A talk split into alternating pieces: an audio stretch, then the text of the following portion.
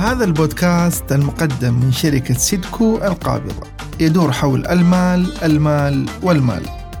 كيفية إدارة أموالك وكيف تحقق الاستقلال المالي. والأهم من ذلك مساعدتك في تحسين علاقتك مع المال.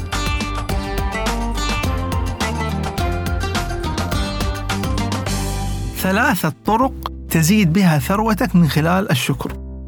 في الأسلوب الشائع للسعي نحو إدارة المال نجد معظم الناس يشعرون بدرجات متفاوتة من التوتر والقلق والخوف فالعالم يمر بمرحلة من الضغوطات والمتغيرات التي لابد أن تؤثر بنسبة معينة على الحياة الشخصية لكل فرد منا كيف تتصدى لهذه المرحلة؟ وكيف تحمي رصيدك المالي من الإنفاق المفرط أو العكس؟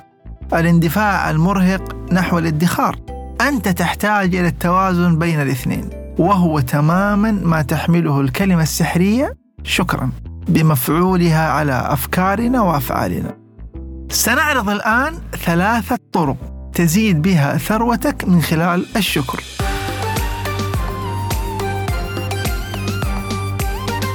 أولا اكتشاف مفهومك للثروة.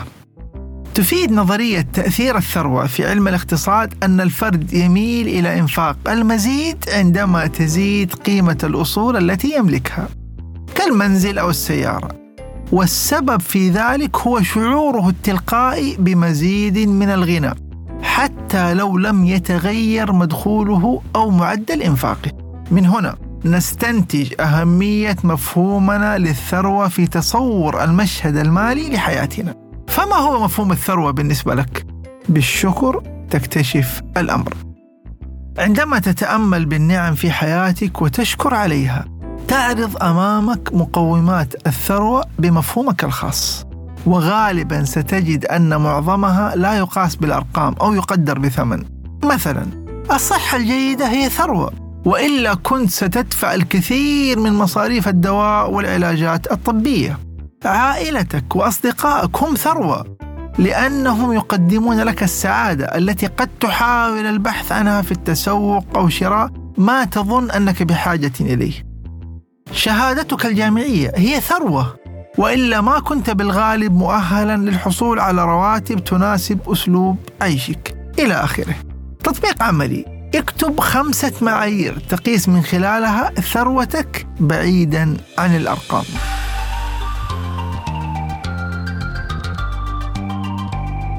ثانيا تحسين قراراتك المالية. إذا انتقلنا إلى علماء النفس. نجد بعضهم يلقب فعل الشكر بالمضاد الطبيعي للاكتئاب. والسبب في ذلك هو أن المشاعر التي ترافق الشكر تحفز الذهن على إفراز هرمونات السعادة مثل الدوبامين والسيروتونين. فإذا نجحت بتعديل مزاجك من خلال الشكر هذا يعني أنك ستشعر بضغوطات أقل وستحصل على نوعية أفضل من النوم وبالتالي ستكون قراراتك المالية واعية ومدروسة ومضبوطة أكثر. دعنا نحلل فعل الشكر أكثر. كي تشكر على الأشياء أنت بحاجة لتفكر بها أولا. فإذا كانت أولى الأشياء سهلة التعدد لابد أن تستغرق وقتا أطول كلما أردت التفكير بمزيد من الأسباب. فمن خلال التركيز على الشكر بهذا النمط وبشكل منتظم أنت تدرب ذهنك على إفراز هرمونات السعادة بطريقة أكثر تلقائية. كما تجعل من نفسك باحثا محترفا عن النصف الممتلئ من الكوب. هذا ولم نذكر بعد حالات الهدوء والتروي التي ستشعر بها فتنعكس بالإيجاب الحتمي على نوعية قراراتك لا سيما المالية منها. تطبيق عملي جهز قائمة على الأقل بعشرة أشياء، أشخاص، أحداث تشكر وجودها في حياتك. ثالثا تخطي الأزمات المالية.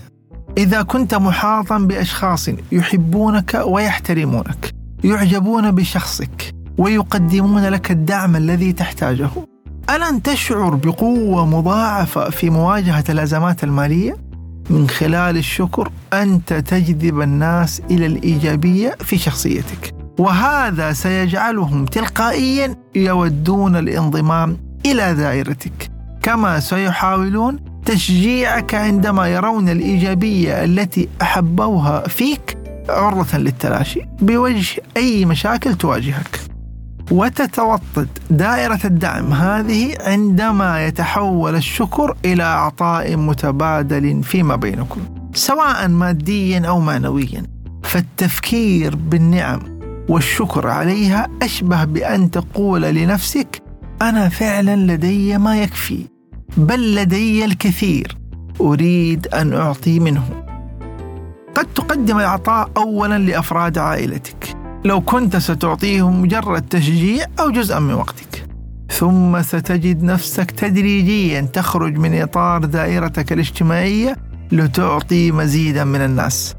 فالشكر قادر أن يصنع في هذا الإطار مرونة أكبر في سلوكك وطريقة تفكيرك. ما ينعكس على مرونتك في مواجهة الأزمات المالية وعلى إبداعك في إيجاد الحلول لتخطيها. تطبيق عملي تحدى نفسك لمدة أسبوع أن تقوم يوميا بعمل عطاء مهما كانت أشكاله.